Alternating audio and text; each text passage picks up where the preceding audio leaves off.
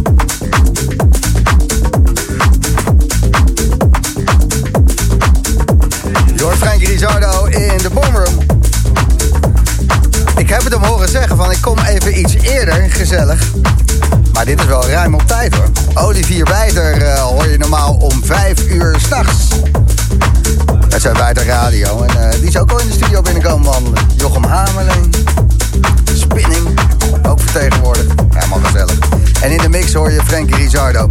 Wat vind jij ervan? Laat het maar even weten. Gebruik de gratis Slam app om het door te geven. Pepijn die stuurt. Wat fijn om Frankie Rizardo weer eens live bezig te horen. Laatste keer was op een boot in Arnhem. Prachtige herinnering. En deze ook leuk. Lekker house op de zaterdagavond. Vanavond maar weer thuis een feestje bouwen. De stad in kan zo helaas niet meer. Wie joint Huizen Haas te Tilburg? Nou, als je wil feesten, tot zes man, afstand houden. Huizen Haas in Tilburg. De after begint om 12 uur. Dus de Boomroom op Slam. In de mix hoor jij Frankie Rizardo.